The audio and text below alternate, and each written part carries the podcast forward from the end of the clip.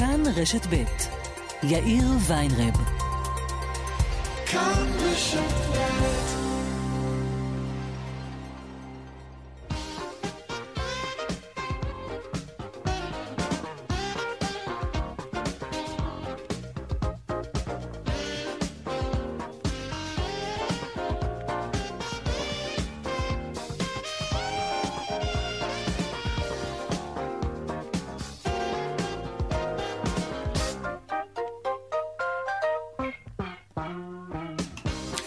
קצת אחרי ארבע ועוד אה, שש דקות, כאן צבע הכסף ברשת ב', יום שני, שלום רב לכם, העורך רונן פולק, המפיקה סמדר טל. טכנה השידור שלנו היום הוא אריאל מור, והדועל של צבע הכסף הוא כסף, כרוכית כאן.org.il. אפשר ליצור איתנו קשר גם בדף הפייסבוק שלנו, כאן ב', אני יאיר ויינרב, מעכשיו עד חמש, אנחנו מיד מתחילים.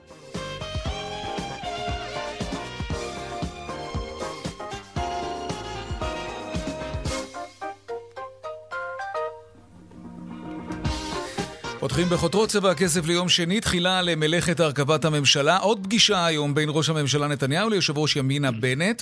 בפתח ישיבת סיעת ימינה אמר היום בנט כי הליכוד יכול לספור את אצבעות חברי סיעתו לטובת הקמת ממשלה ימנית. שלום זאב קם, כתבנו בכנסת. שלום יאיר, אחר הצהריים טובים. זה כאילו אומר הכל אבל לא אומר כלום. נכון, אתה יודע, כל שבוע אנחנו פה אה, מנתחים את, ה, את ההצהרה כן. של בנט בפתח ישיבת סיעת ימינה, וכמו שאתה אומר, כתב, חיטה, אה, כתב חידה שבהחלט אפשר אה, גם אולי לאפשר פרסים למי שמצליח לפענח אותו בסוף המשדר כן. שלך. תראה, צריך להגיד, בשעה זו, כמו שאמרת, נפגשים נתניהו ובנט, למעשה פגישה שנייה.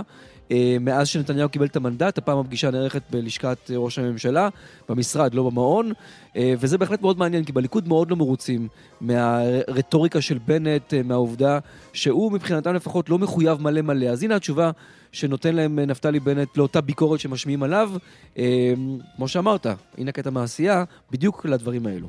לפני כשבוע הטיל נשיא המדינה על ראש הממשלה נתניהו את המנדט להקמת אה, ממשלה. ימינה הינה ותמשיך להיות שותפה מלאה במאמץ להקים ממשלת ימין יציבה וטובה. בפגישות שלנו אמרתי למר נתניהו, ואני אומר גם פה, שהליכוד יכול לספור את אצבעות סיעת ימינה לטובת הקמת ממשלה ימנית. אנחנו נפעל בכל הכוח, בכל האמצעים, למנוע אסון של בחירות חמישיות. יש לא מעט דרכים יצירתיות ורעיונות אה, יצירתיים אה, להביא לזה. אבל בשביל זה צריך להפשיל שרוולים ולהתחיל לעבוד. יצאו מספר אה, פרסומים כאילו נושא התפקיד שלי מהווה חסם. זה שקר מוחלט, fake news. לא דרישות ימינה ולא שום תפקיד מהווה חסם להקמת הממשלה. כמו שאתם יודעים, יכולתי כבר בשעה הזאת לשבת בכיסא ראש הממשלה, לו זאת הייתה מטרתי העליונה. אבל המטרה העליונה שלי היא למנוע את האסון הזה של סיבוב חמישי של בחירות. Mm, אז מה צריך לקרות בכל זאת? זה... זאת השאלה. תראה, בליכוד אה, רוצים לשמוע מנפתלי בנט אמירה יותר נחרצת, שבעצם באה ואומרת, אני רק איתכם. כלומר, אני לא, לא המשפט הככה הנחמד, כן. תספרו את האצבעות שלי, אבל מה שנקרא, אם לא תצליחו להרכיב איתי, אז אני, מה שנקרא, אה, הולך לאופציה השנייה. הם רוצים משהו הרבה יותר נחרץ, הרבה יותר מחויב. וצריך להגיד, אה, אנחנו כבר לא רואים את הלחץ של נתניהו על בצלאל סמוטריץ', שיסכים לממשלה עם רע"מ מבחוץ, שתימנע, הם מבינים שזה כנראה לא יעבוד. Mm-hmm. מה שעוד לא עובד, זה האפשרות להקים ועדות בכנסת. הוועדה המסדרת שהייתה אמורה לקום היום, והיא המניעה, היא זו שמתחילה את כל הקמת הוועדות הזמניות בכנסת, היא לא תוקם היום. אין הסכמות בין גוש נתניהו לבין גוש אנטי נתניהו, זה יידחה לשבוע הבא, מה שאומר שאין פיקוח פרל... פרלמנטרי כבר יותר משבוע, וזה אפילו יהיה יותר מזה בהמשך. מה לעשות. זאב קם, כתבנו בכנסת, תודה רבה על הסקירה הפוליטית הזאת. עכשיו, כלכלה לראשונה מאז פרוץ משבר קורונה, ירידה בגירעון המצטבר. בסוף חודש מרס עמד הגירעון על 12% ועשירית. האם מדובר בסימני התאוששות? נדבר על כך עוד מעט, ליאל קייזר כבר באולפן. ועוד בסימני ההתאוששות, הפעם בנדל"ן, זינוק של כמעט 30% במספר הדירות שנרכשו בישראל ברבע האחרון של השנה שעברה, של 2020, כן? נדבר גם על כך. משבר התעסוקה והיום שאחרי החל"ת, שירות התעסוקה ממליץ לקצר ולקצוב בזמן את ימי החל"ת החל מיולי הקרוב, בעבור כל מי שלא ישוב לעבודה עד אז. היום הציג שירות התעסוקה את המתווה שלו לעידן שאחרי החל"ת. הארכת הזכאות לדמי אבטלה הייתה חיונית אז, אומרים בשירות התעסוקה, אבל היא הפכה... לחסם בפני חזרה לעבודה. אנשים מעדיפים לשבת בבית ולקבל דמי אבטלה. נדבר על כך בהמשך עם מנכ"ל שירות התעסוקה. בשעה זו מתפרסם דוח מבקר המדינה בנושאי ביטחון, שמענו במהדורת החדשות. בין השאר, מוצא המבקר ליקויים ביישום ההחלטה להעביר את יחידות המודיעין והתקשוב לנגב. כמו כן מצביע המבקר על ליקויים בהיערכות הלאומית להגנה מפני איום הרחפנים. בפרק על שטחי האימונים של צה"ל ביבשה מצא המבקר כי יותר מ-70% משטחי האימונים שהיו אמורים לעבור איזושהי הסבה למטרות אזרחיות, זה עדיין לא קרה מאז התקבלה ההחלטה לפני שש שנים. Mm. בהמשך נרחיב על דוח הביקורת של... אה, נמשיך על דוח הביקורת עם מנהל החטיבה לביקורת על מערכת הביטחון במשרד מבקר המדינה. ועוד בהמשך אה, על השנה המוצלחת של ההייטק הישראלי, שיא גיוסים בהייטק ברבע הראשון של השנה, כמעט חמישה מיליארד וחצי דולרים, זה הרבה כסף. נדבר כאן עם יושב ראש חברת טראקס הישראלית סינגפורית שביצעה את אחד הגיוסים הגדולים ביותר בתולדות ההייטק הישראלי. ועוד לקראת סיום, כרגיל, הדיווח משוקי הכספים, אלה הכותרות, כאן צבע הכסף. אנחנו מיד ממשיכים.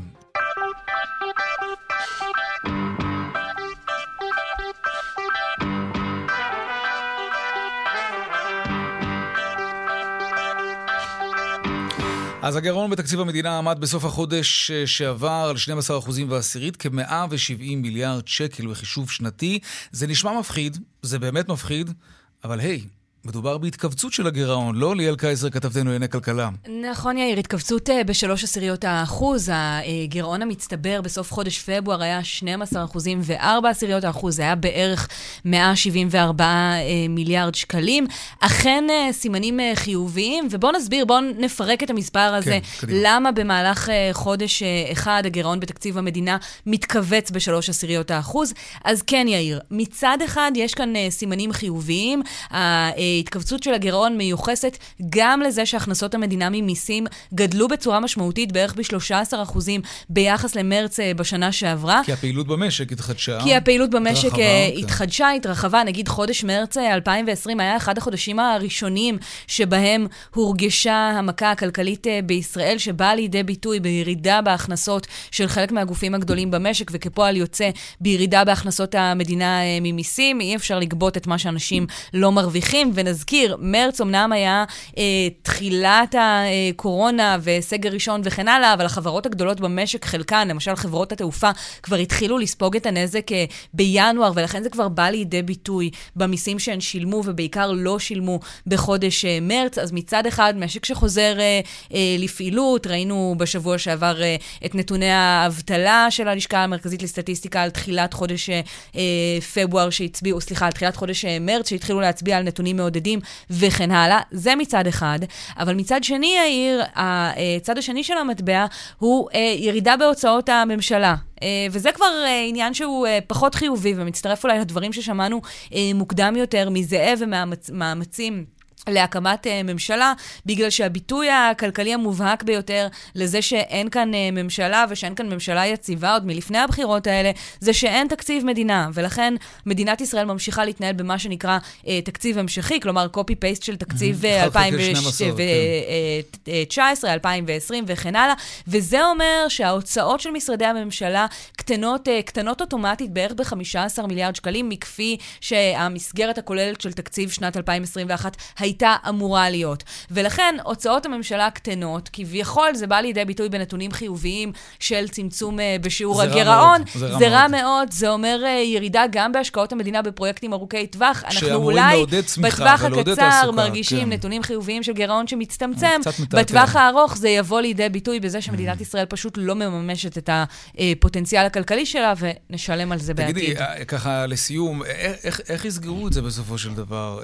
מיסים, קיצוצי. נדמה לי שבנק ישראל לפני כמה ימים רק אמר שלא יהיה מנוס מהעלאת מיסים. כלומר, זאת ההמלצה שלו, נכון? תראה, יאיר, אני חושבת ש... אין פוליטיקאי שיגיד את זה עכשיו, כשאנחנו בתוך מערכת בחירות בלתי נגמרת. אף אחד לא יגיד את זה, כן. אבל האמת היא שאני חושבת שבמקרה הזה לא צריך להיות גאון גדול, אפשר ממש כל ילד שאנחנו נתפוס במסדרון כנראה יגיד שהדרך לצמצם גירעון היא או לקצץ בהוצאות או להגדיל את ההכנסות, והפועל היוצא של זה זה או קיצוצים בשירותים שהמדינה אה, נותנת לאזרחים, שזה רע. או העלאת אה, מיסים. נגיד, גם ראש הממשלה, אני חושבת שגם אה, בנט אמרו במהלך הקמפיינים שלהם שהדרך להגדיל את הכנסות הממשלה היא בכלל להוריד מיסים, וככה לעודד את הישראלים לייצר יותר הכנסות שיבואו לידי ביטוי בגידול כן. בתוצר הישראלי. אה, מחקרים שנעשו, נגיד, בעשור האחרון, למשל של בנק ישראל, על השאלה האם הורדת מיסים במדינת ישראל בעשורים האחרונים באמת הביאה להגדלה בגביית המיסים, הראו, כלומר, הורדת שיעור המס, והאם היא הובילה להגדלה ב- מה, ב- במספרים שנקבעו בפועל, המחקרים האלה הראו שלפחות בישראל זה עדיין לא עבד. לא עבד. זה לא אומר, תראה, ההנחה היא שככל ששיעור המס קטן יותר, ככה תמריץ של אנשים לייצר הכנסות הוא גדול יותר, כן. ואז הגבייה אה, משמעותית יותר. לשלם, כן. בישראל כן. זה בינתיים לא עבד, אבל uh, לך תדע, הלוואי שהצמיחה תהיה כל כך גדולה שלא יהיה צורך לא בקיצוצים ולא בהורדות מיסים. כמו שאתה אומר, זה לא מה שמעריכים בבנק ישראל. הלוואי, כן. ליאל קייזר, כתבתנו לענייני כלכלה, תודה רבה לך תודה, על הסקירה הזאת. טוב, נדל"ן עכשיו.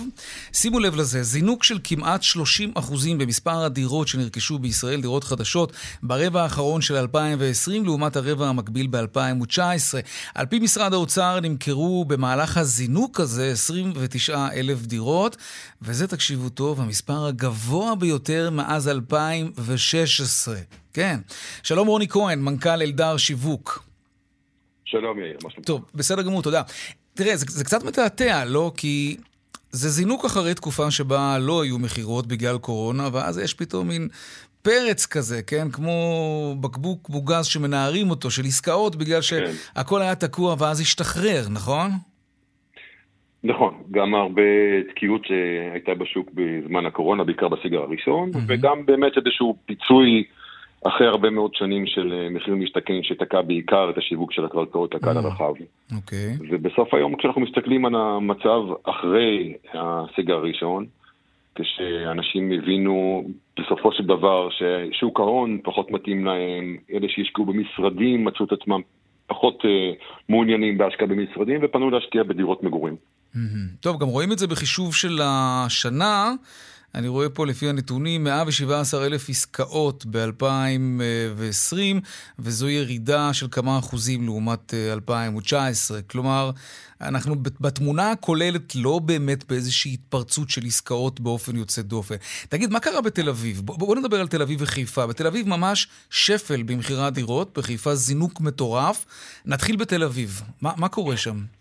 השפל בתל אביב הוא שפל בסגמנט של המשקיעים. תל אביב הפכה יקרה מדי עבור חלק מהמשקיעים שמחפשים תשואה, mm-hmm. עדיין משקיעים שקונים את תל אביב קונים את תל אביב מכיוון שהם מאמינים ברווח ההון שהעסקה תשיא להם. Okay. אבל אוקיי. צריך לזכור שלא רק uh, המשקיעים חזרו לשוק ובגדול, בכל הסגמנטים, גם משפרי הדיור וגם הזכאים, uh, או מה שנקרא חסרי הדירה, כן. חסרי הדיור, חזרו לרכוש. יש סט שלם של uh, סיבות לדברים הללו.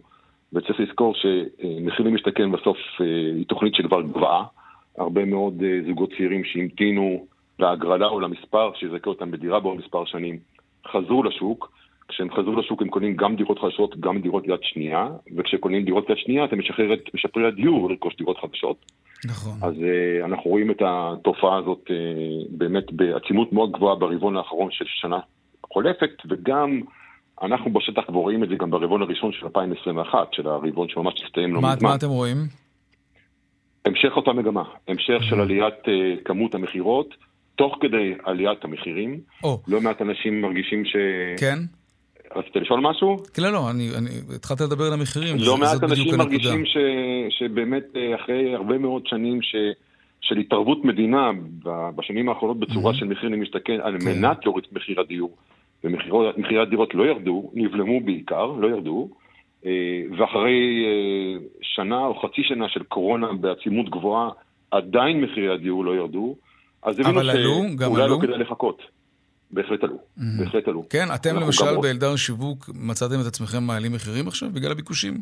בצורה גורפת, אבל זה, הביקושים בעיקר בהתייחס או בחוסר הלימה מוחלטת להיצע. אנחנו רואים שגם המייעדים של הממשלה הציבה לעצמה בכל מה שקשור להתחלות אה, בנייה, כן. לא עמדו ביעדים. הממשלה הציבה יעד יחסית אה, צנוע של 45 אלף התחלות בנייה. גמרו את 2020 לא בקושי ב-35. תכף באמת נדבר על התחלות הבנייה, אבל אני רוצה לשאול אותך, תגיד, במהלך השנה האחרונה, ב-2020, לא מצאתם את עצמכם, אתם בחברה שלכם ומשווקי אה, נדל"ן אחרים וקבלנים, לא נאלצתם, מצאתם את עצמכם נאלצים להגמיש מחירים כדי לעורר רכישת דיור? זה, לא. זה די הפתיע, לא, כי אני... הנתונים מלמדים שלא. אבל אני אף פעם לא מצליח להבין, הרי נתקעתם עם מלאי דירות, היה שיתוק כלכלי, אנשים לא קנו דירות.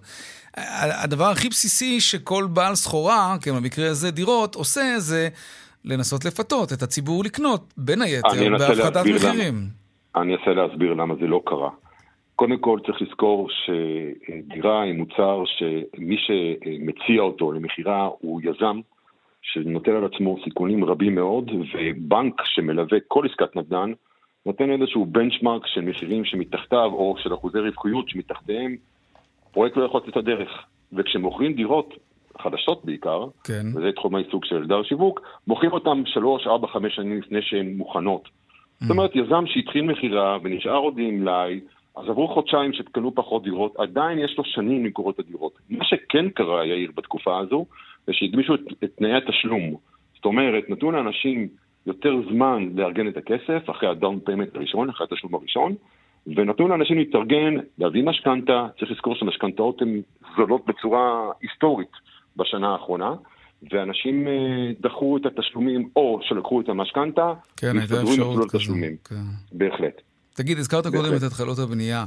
אה, דיברנו על זה הרבה כאן בצבע הכסף. אה, בגלל שבנו פחות, יהיה פחות היצע, ולכן זה עלול לגרום לעליות מחירים. שוק הנדל"ן אה, מצליח להדביק את הפער ש, שנותר בחודשים הקשים, שנוצר בחודש, בחודשים הקשים של קורונה, כשפחות בנו, או שאנחנו עדיין אה, בגאפ די רציני שעלול להביא לעליית מחירים יותר דרמטית?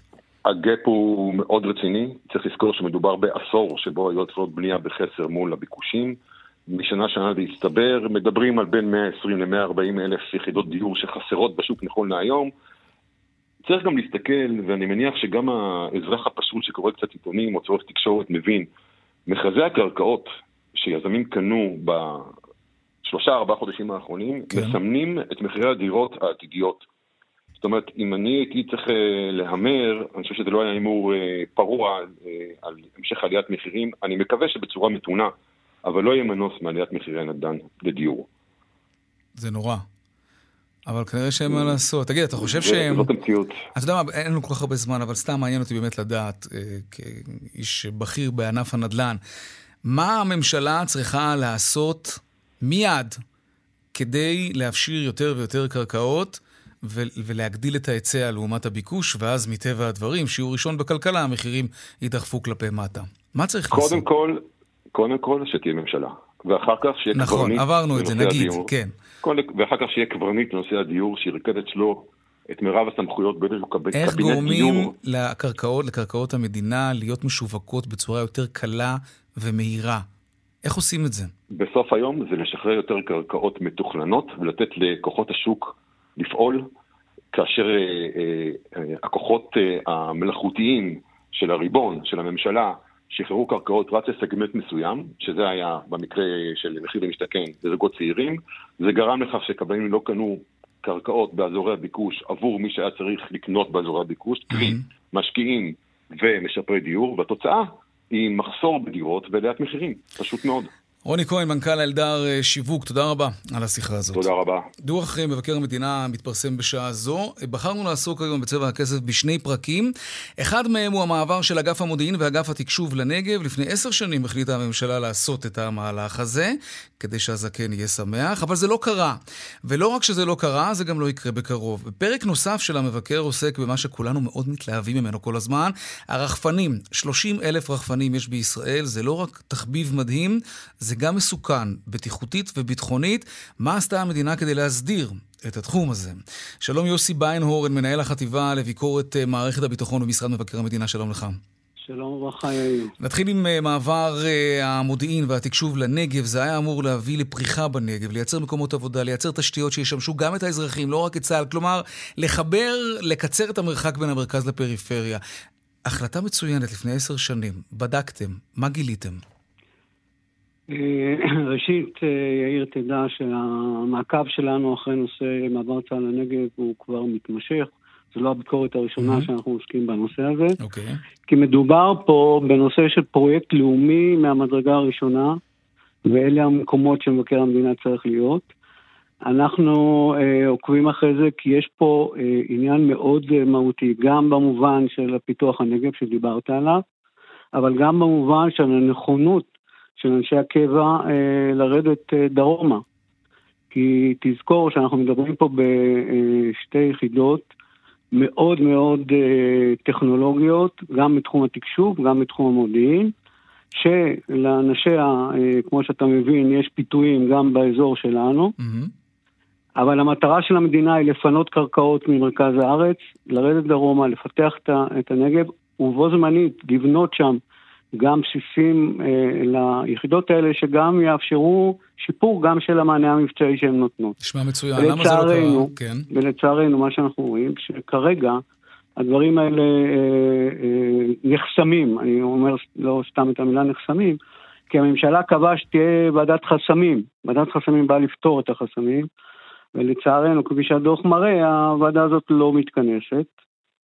אה, גם המטה לביטחון לאומי, שאמור היה, שקיבל משימה כזאת מראש הממשלה במרץ 2019, עוד לא הצליח להוביל למחלקות, והמחלקות הן, העיקריות הן בין מערכת הביטחון לבין אה, האוצר אה, לבין משרד התחבורה, כשעל הפרק שני נושאים עיקריים. אחד, זה מענה תחבורתי אמיתי, טוב, לאלה שבאים לארץ. צריך לזכור שלא לכולם יש מיטות בנגב. אלה שבאים ממרכז הארץ, כן. אלה שבאים ממרכז כן. הארץ.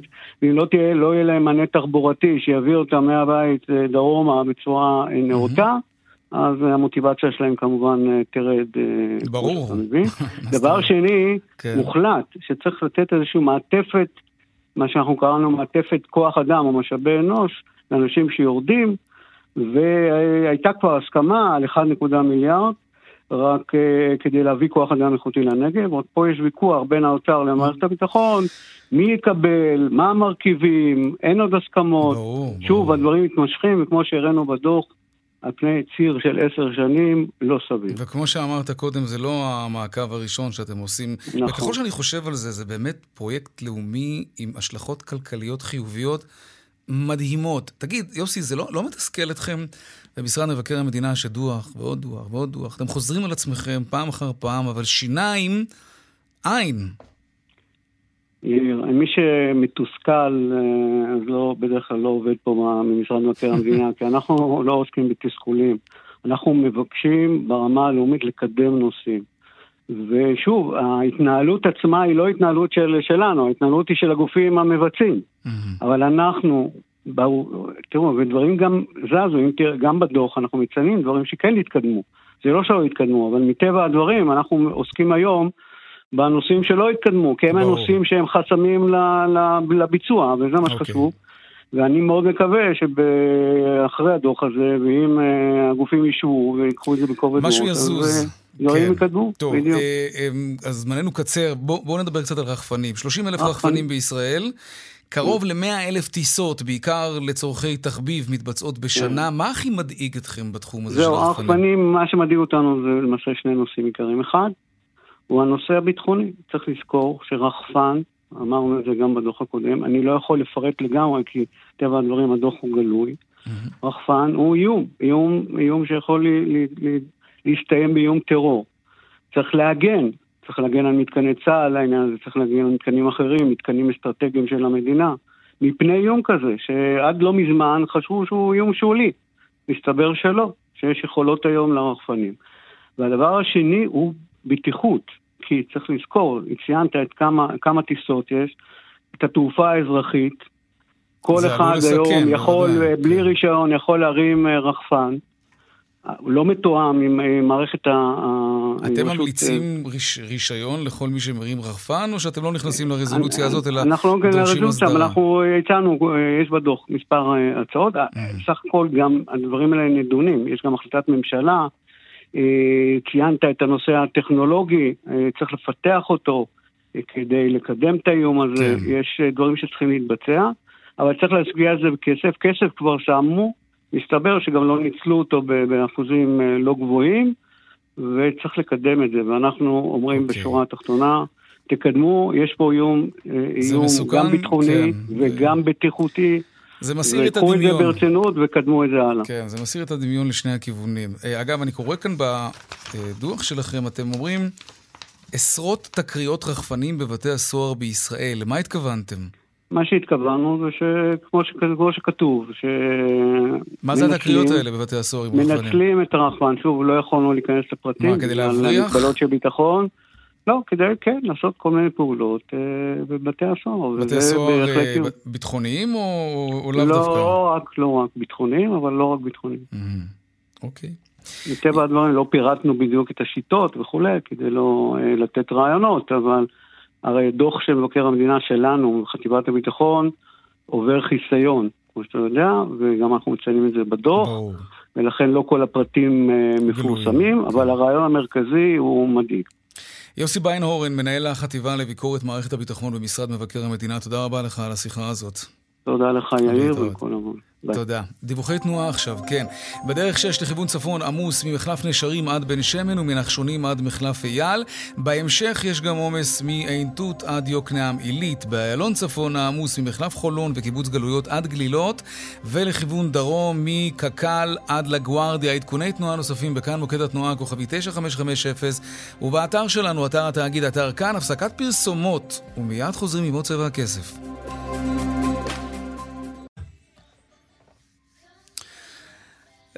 34 דקות אחרי השעה 4, כמעט, כן. עכשיו נדבר אה, על היום שאחרי החל"ת. כבר מתחילים לחשוב על היום הזה, זה יקרה בסוף יוני, בעוד קצת יותר מחודשיים. מה יקרה למי שמקבל היום דמי אבטלה, לא יחזור לעבודה, וסוף יוני כבר יגיע? שלום רמי גרור, מנכ"ל שירות התעסוקה. שלום יאיר. מה בתכנון? תודה. מה בתכנון? מה אתם מציעים? אה, מה שאנחנו מציעים, לא בתכנון, אנחנו אה, אנחנו כולנו יודעים שתוקפו של תיקון החקיקה להארכת תקופת הזכאות היא למעשה מסתיימת בסוף חודש יוני. ותאורטית, אם לא, יש, לא תהיה שום חקיקה חדשה, ב-1 ליולי אנחנו נשארים ללא רשת ביטחון. Mm-hmm. אני רוצה להאמין, ואני אה, כמעט בטוח שלא נשאר ללא רשת ביטחון. מה שאנחנו ממליצים זה רשת ביטחון שונה ממה שהיה, ואם אני ככה אקצר, שהרשת ביטחון שאנחנו אה, ממליצים עומדת על ארבע רגליים עיקריות. האחת, זה uh, בהחלט להמשיך ולתת דמי אבטלה, רק שההערכה הנוספת תהיה דיפרנציאלית על פי גיל ומצב המשפחתי, שהרגל הנוספת היא הפחתה של דמי אבטלה, עשרה אחוז מדי חודש uh, uh, בתקופת הזכאות. הנושא השלישי זה מבחן התעסוקה שכבר התחלנו לבצע אותו כבר ממחצית חודש שעבר. מה זה אומר? עם פתיחת מבחן התעסוקה זה התייצבות של דורשי עבודה, אה, הצעות עבודה פרונטליות, אם אה, צריך הכשרות אז הכשרות. אנחנו מפנים כמובן, אנחנו הפנינו גם עד לפתיחת... אה, הלשכות הפנינו, עשינו את העבודה הזאת מרחוק, בעיקר דרך הטלפונים והמיילים.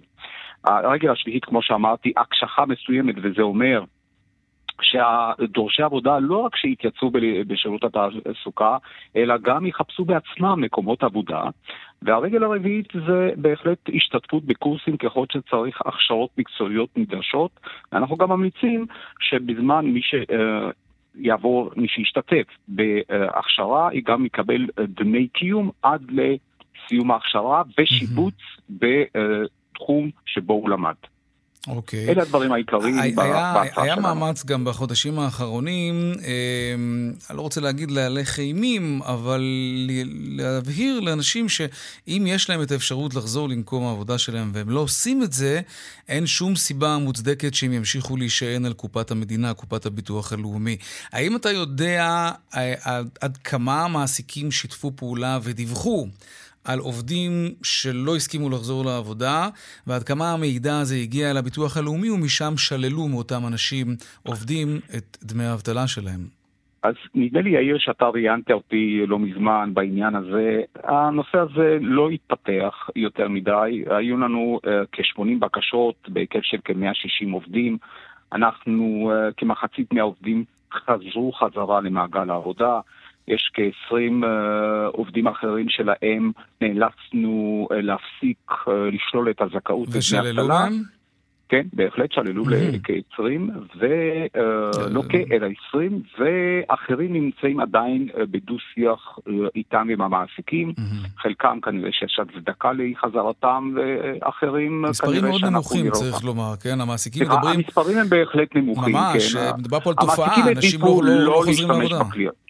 כן, אנחנו ביקשנו, ראינו, אבל אני חושב שהחזרה שלנו לבצע את מבחן התעסוקה וההתייצבויות שמתחילים מתחילות מחדש להגיע לשירות התעסוקה. Mm-hmm. אני מקווה עם תוכנית okay. אוקיי. חדשה שתעודד את החזרה של אותם אה, דורשי עבודה חזרה למעגל עבודה, אני חושב שזה ייתן uh, פתרון. אני רוצה לספר לך קצת על הצד השני של המטבע, שאתה בוודאי מכיר אותו, כן, אני לא צריך לספר לך, אבל בכל זאת, אה, מאזינים שכותבים לנו, ש... אומרים להם, בואו, תחזרו לעבודה, חצי משרה. ואז הם עושים חישוב לגיטימי מבחינתם.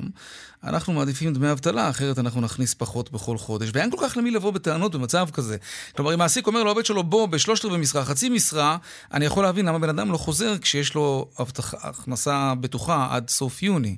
זאת בעיה, וזה, והבעיה הזאת עלולה להימשך כי עסקים קצת התכווצו, ויכול מאוד להיות שמה שמעסיקים יכולים להציע היום לעובדים שלהם, לא, הם לא, הם לא, זה לא דומה למה שהציעו להם בעבר. אבל יאיר, אנחנו שומעים בימים האחרונים, רואים יותר נכון, כי זה גם בטלוויזיה, כן. אפילו בפריים טיים, יש את זה, את הפרסום של... אה, של אה, המוסד לביטוח לאומי לגבי עובדים, אנחנו יודעים שיש אה, הרי תגמול לאותם עובדים שחוזרים בעבודה אה, מופחתת, כלומר פחות כן. שעות בשכר נמוך, הם יכולים להגיש בקשה ולקבל את הפער. אז א', יש לעניין הזה פתרון, ואני ממליץ באותה הזדמנות להשתמש בזה. כן, ודבר נוסף, אני קורא תמיד, ואני קורא את זה לדורשי עבודה כל הזמן, אני אומר את זה, יולי זה מחר בבוקר, זה לא עוד הרבה זמן. ולכן אני חושב שכל מי שהיום יעדיף לחזור למעגל עבודה ויתחיל לעבוד וימצא, ואפשר בהחלט למצוא מקומות, יש הרבה מאוד מקומות עבודה פנויים. זה לא רק 66 אלף מקומות עבודה אה, שהלמ"ס מדווח, זה הרבה יותר, כי המעסיקים הזעירים אה, הם לא בתוך הסקר של הלמ"ס, ושם חלק גדול מאותם צעירים שהם כרגע מחוץ למעגל okay. העבודה אוקיי. צריכים לחזור למעגל העבודה, ואנחנו שומעים את המסעדות, אנחנו שומעים את המלונאים. משוועים שזה... לעובדים, לידיים עובדות. בהחלט, כן. אני אומר, לא רק לעבוד במסעדנות כמלצרות, אלא לעבוד בעבודות הכלליות ובמקביל גם ללמוד. ברור. יכולים להיעזר לנו בהכשרות. כדי לשפר את העתיד שלהם. רמי גרור, מנכ"ל שירות התעסוקה, תודה רבה לך. תודה רגע. עכשיו נדבר על קנסות קורונה. יש בימים האלה ניסיון נוסף לקדם חנינה למי שקיבל קנסות בתקופת קורונה. שלום רמי בז'ה, יושב ראש פורום העצמאים בהסתדרות. אחר הצהריים טובים יאיר, שלום למאזינים. גם לך. על, על כמה קנסות אנחנו מדברים ומה ההיקף הכספי שלהם? וואו, אה, אה, קנסות בלי סוף, במיליוני שקלים, לא רוצה לטעות, לכן okay. אני לא אוקיי. אדייק את המספר. Mm-hmm. והחנינה היא חנינה גורפת? אתם דורשים חנינה גורפת? אני אומר לך, אני רוצה, כן. רגע, אני רוצה רגע לשים את הנקודה. אנחנו פנינו לנשיא המדינה בהמשך לפנייתנו דאז, אגב, לשר המשפטים. כן. שהיה אבי ניסנקורן ולאחריו בני גן. אוקיי. והחנינה שלנו מבקשת למעשה, מעבר לוויתור על קנסות, שזה בעיניי די מתבקש, אבל מעבר לזה, יאיר, יש כאן אנשים בזמן הקורונה שקרסו, שהעסקים שלהם נמוגו להם, פשוט נמוגו להם. הלך העסק, אנשים הגיעו למצב של חדלי פירעון, והחנינה שלנו לא עסקה בביטול הקנסות. קודם כל, אני באופן גורף לא אוהב בכלל לבקש משהו שהוא, יכול להיות שיש כאלה שמגיע להם הקנס. אבל כל דבר עם התבחינים שלו. אבל חנינה לעסקים שחזרו להם למשל עשרה צ'קים, יאיר, על זה באנו לדבר עם נשיא המדינה. ועל זה גם נכנסנו בדלת פתוחה ואוזן קשבת שלו, כי הוא הבין שמעבר לביטול הקנסות, שאגב, הוא דיווח לנו אתמול בפגישה, כן. שמעל 50% מהקנסות, מה, מה, מהבקשות לביטול הקנסות קיבלו מענה חיובי. אני חייב לומר, הוא שזה, נתן לזה רוח גבית, והוא יפה. נתן לזה המלצות, כן. המלצות לביטול, אבל אנחנו דיברנו שם בעיקר על חוסר ההזדמנות שיש לעסקים ולעצמאים שהפכו להיות חדי פירעון או חס וחלילה פושטי רגל בגלל הקורונה, לא בגלל רשלנותם mm-hmm. בעבודה, בגלל אי היכולת שלהם לחזור לעבוד או לקיים את העסק שלהם, או חלילה, אתה יודע, יאיר, שכשחוזרים לך עשרה צ'קים בבנק, מסמנים לך למעשה אות קין על המצח. אתה גמור. אתה כן. פסול, אתה פסול פרנסה בבנק ישראל.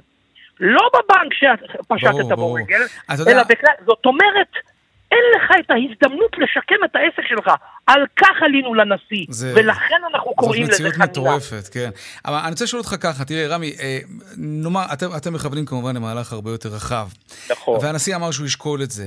ולא מן הנמנע שהוא יבקש להתייעץ עם, עם פקידים ברשות האכיפה, ברשות המיסים, כן. באוצר, ואז יבואו ויגידו לו, תראה, כבוד הנשיא, יש עם זה קצת בעייתי, יש עם זה קצת בעיה. האם חלילה ניקלע למצב דומה בעתיד, שבו הציבור יתבקש לשנות את שגרת החיים שלו באופן דרמטי, הממשלה תשתמש בקנסות כמו הפעם, אם תהיה חנינה כללית אה, או גורפת לסקטור מסוים, בפעם הבאה כולם יצפצפו, וזו בעיה. תראה, אנחנו, למרות שחרף היותנו ישראלים במדינת ישראל, אני רוצה בכל זאת לקוות שאנחנו, כזה משבר נחווה רק פעם במאה שנה. כן. אבל באם נחווה חס וחלילה כאן איזושהי אה, אה, קטסטרופה של רעידת אדמה, או חלילה טילים מאיראן, או חלילה, חלילה מלחמה בצפון או בדרום, אני מאוד מקווה שכולנו, כולל כולנו, כולל מקבלי ההחלטות, יסיקו את המסקנות הנכונות מהמשבר הזה לפעם הבאה.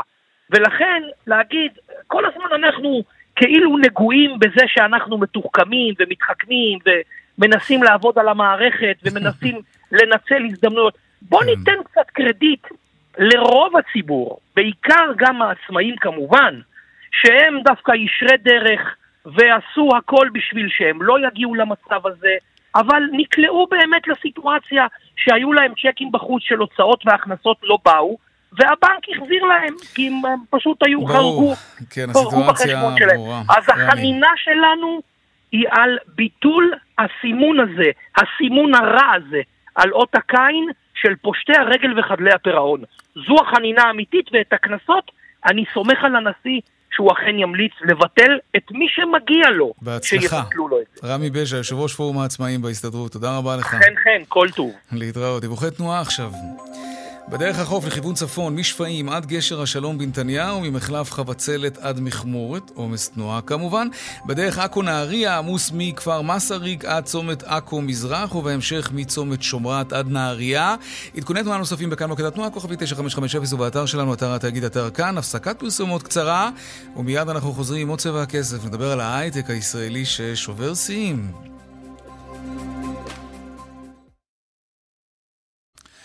13 דקות לפני השעה 5, שיא גיוסים בהייטק ברבע הראשון של השנה, 5 מיליארד ו-400 מיליון דולר. זהו זינוק של 89 אחוזים. מדובר ב-172 עסקאות ברבע שעבר. אגב, היו 20 עסקאות גדולות במיוחד של יותר מ-100 מיליון דולר כל אחת. שלום יואל בראל, יושב ראש חברת טראקס וממייסדיה, שלום לך. שלום, שלום יאיר. כמה אתם גייסתם? אה, אנחנו גייסנו כ-640 מיליון דולר, סכום אה, לא מבוטל. מה החברה שלכם עושה? טראקס, ספר לנו. אה, טראקס היא החברה שעוסקת בטרנספורמציה דיגיטלית של רשתות שיווק, בעיקר בחנויות פיזיות. למעשה אנחנו לוקחים תמונות בתוך החנות על ידי מצלמות קטנות שמוצמדות למדפים וגם על ידי אמצעים אחרים, והופכים את החנות הפיזית למדיה דיגיטלית אה, שאפשר לגשת אליה בשקיפות אה, מכל מקום ובכל זמן, בעיקר על ידי היצרנים. של המוצרים וגם על ידי הרשתות עצמן. רגע, תסביר, זה מעניין, אבל, אבל לא היה כל כך ברור. אה, למה זה מיועד, למי זה מיועד ואיך זה עובד? אה, תחשוב אה, כן. שבעצם היום בחנות פיזית אתה בעצם, גם אתה כצרכן, גם היצרן לצורך העניין קוקה קולה וגם הקמעונאי לצורך העניין שופרסל לא יודעים באמת מה נמצא על המדף. אה, התנאים על המדף משתנים, לקוחות קונים אה, מוצרים והם נמצאים בחוסר על המדף. אבל זה עובר סריקה בקופה, אז, אז המלאי שלהם באופן אוטומטי מצטמצם ככל שמעבירים ברקוד של uh, גזר, אני יודע מה. זאת אומרת, הכל ממוחשב. נכון, נכון. אתה יודע מה נכנס לחנות, אתה יודע מה יוצא דרך הקופה, אבל אתה לא יודע מה כרגע קורה על המדף. על המדף, הרבה פעמים אוקיי. נמצאים חוסרים על המדף. אה, ואנחנו לא מתעסקים במלאי של כל החנות, אלא רק באמת מה נראה ומה... אבל לצורך העניין, מגיע צרכן והוא רואה את הטונה שהוא אוהב שהיא חסרה, אבל היא בעצם שוכבת במחסן. וחבל, היה אפשר להביא אם היינו יודעים, ואז גם היינו מוכרים יותר. אוקיי. נכון. אז מה המצלמות שלכם יודעות לעשות בהקשר הזה? אז אנחנו יודעים בעצם אה, לתת תמונה דיגיטלית בזמן אמת של כל מוצר שנמצא אה, בכל מסדרון בחנות, בכל מדף. ובעצם תמונה דיגיטלית של כל המוצרים בחנות בזמן אמת. מה נלקח, מה נמצא על המדף, מחירים, אה, מתחרים אה, של יצרנים וכולי. אז קוקה קולה למשל יכולה לדעת איזה מוצרים שלה כרגע נמצאים בחנות, אה, כמה אה, אה, סוגים שונים של טעמים. האם פפסי הורידה מחירים? למשל, פפסי הורידה מחירים, פפסי יצאו במבצע. האם הם אה, לקחו להם שטחי מדף יותר יקרים בגובה mm-hmm. העיניים? אה, אז זה בעצם, אתם, אתם בעצם מייעלים את האופן שבו גם הקמעונאים וגם היצרנים אה, מנהלים את, את המלאי שלהם, כולל רמות המחירים שלהם. נכון, גם mm-hmm. מלאי, גם רמות מחירים וגם נראות על המדף. חכם. כן, בדיוק. תגיד, בוא נדבר קצת על התמונה הכללית. מה פשר הגיוסים האלה? 20 uh, עסקאות גדולות במיוחד של יותר מ-100 מיליון uh, דולר. אתם בכלל uh, הרבה יותר מזה. זה סימן שהכלכלה מתחילה להתאושש, או אולי דווקא להפך, חשבתי גם על זה. אולי זה בעצם עניין אסטרטגי של משקיעים, כי מסוכן להשקיע עכשיו בתחומים אחרים, אז, אז מזרימים פשוט כסף להייטק, כי זה איזשהו מפלט בטוח ולטווח ארוך. איך אתה מפרש את מה שאנחנו רואים? אה, אני חושב שבכל העולם בשנים האחרונות, אה, מאז 2018 אה, בעצם הריביות מאוד מאוד נמוכות. Mm-hmm. אין בעצם אפיקי השקעה לגופים להשיג תשואה. מי מהצופים, מה, לא צופים, מאזינים שיש לו כסף בוודאי יודע שהוא מנסה להשקיע אותו בתחומים שהם מאוד קונסרבטיביים ולא מסוכנים. ומקבל כמעט אפס תשואה על תוכניות חיסכון, אפס תשואה על פק"ם, אפס תשואה נכון. על אגרות חוב ממשלתיות. כל הכסף, בעצם הרבה מאוד כסף בעולם, אין, לו, אין לאן לשים אותו, ולכן כי הסביבה הפיננסית לא מפתה, כן, אוקיי, סליחה. בדיוק, ואז יש גופי השקעה ענקיים שמנהלים מיליארדי שקלים או מיליארדי דולרים, פשוט אין להם מה לעשות עם הכסף כדי להשיג תשואה, והם אה, מזרימים חלק גדול ממנו לשוק ההון.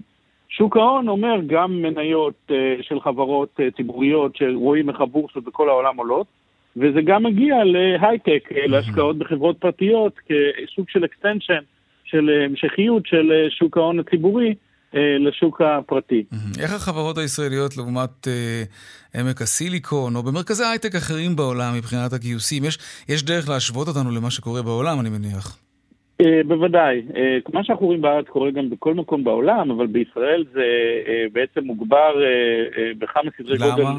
יותר גדול, כי ישראל נחשבת לעומת סטארט-אפ אה, מובילה בעולם. כן. אצלנו מספר הסטארט-אפים אה, פר אה, תושבים הוא הגדול בעולם בהרבה, אפילו מעל ארה"ב.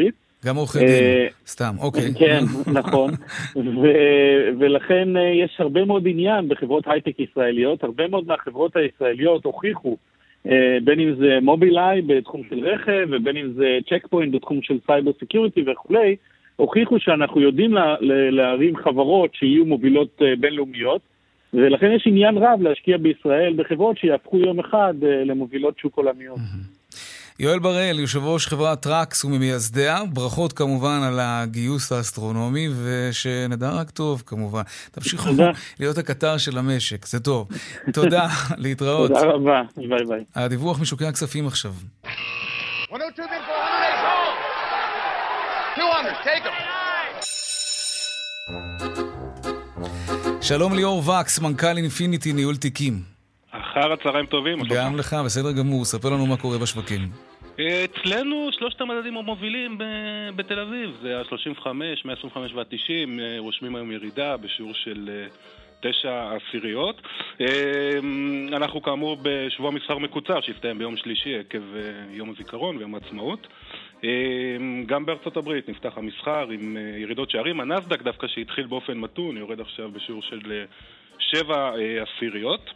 הדולר, שנסחר ביציבות היום סביב 3 שקלים ו-29 אגורות, אבל בטווח היותר רחב הוא ממשיך במגמת ההיחלשות שלו, גם בעקבות ההיחלשות הגלובלית שלו אה, בעולם, וגם בעקבות ההתאוששות המבנית mm-hmm. שלנו, שאנחנו נכון. רואים את הכלכלה שלנו אה, מתאוששת. החיסונים שבינתיים משמשים ממש קיר חוסם אה, לנגיף, מאיצים למעשה את החזרה mm-hmm. לשגרה.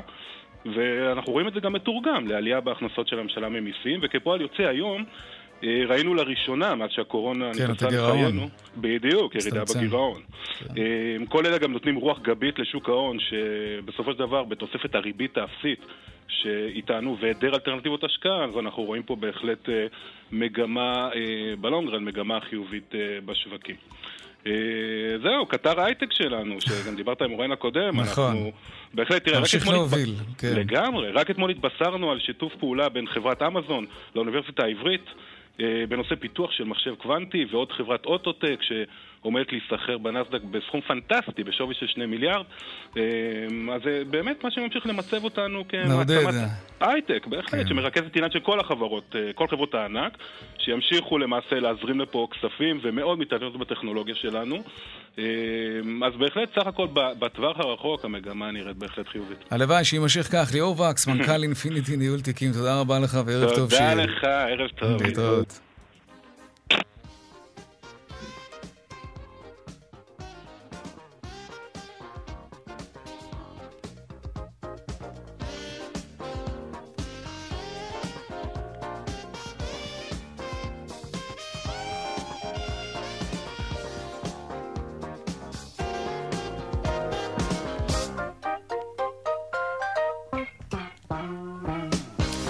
עד כאן צבע הכסף ליום שני, העורך רונן פולק, המפיקה סמדר טל, סייע בהכנה שמעון דוקרקר, טכנה השידור שלנו אריאל מור, ובוקד התנועה היה אהוד כהן, בדיגיטל אבי אריש, הדועל שלנו כסף כרוכית כאן.org.il. מיד אחרינו שלי וגואטה, אני יאיר ויינרים, נשתמע כאן שוב מחר בארבעה אחר הצהריים. ערב טוב ושקט שיהיה לנו, שלום שלום.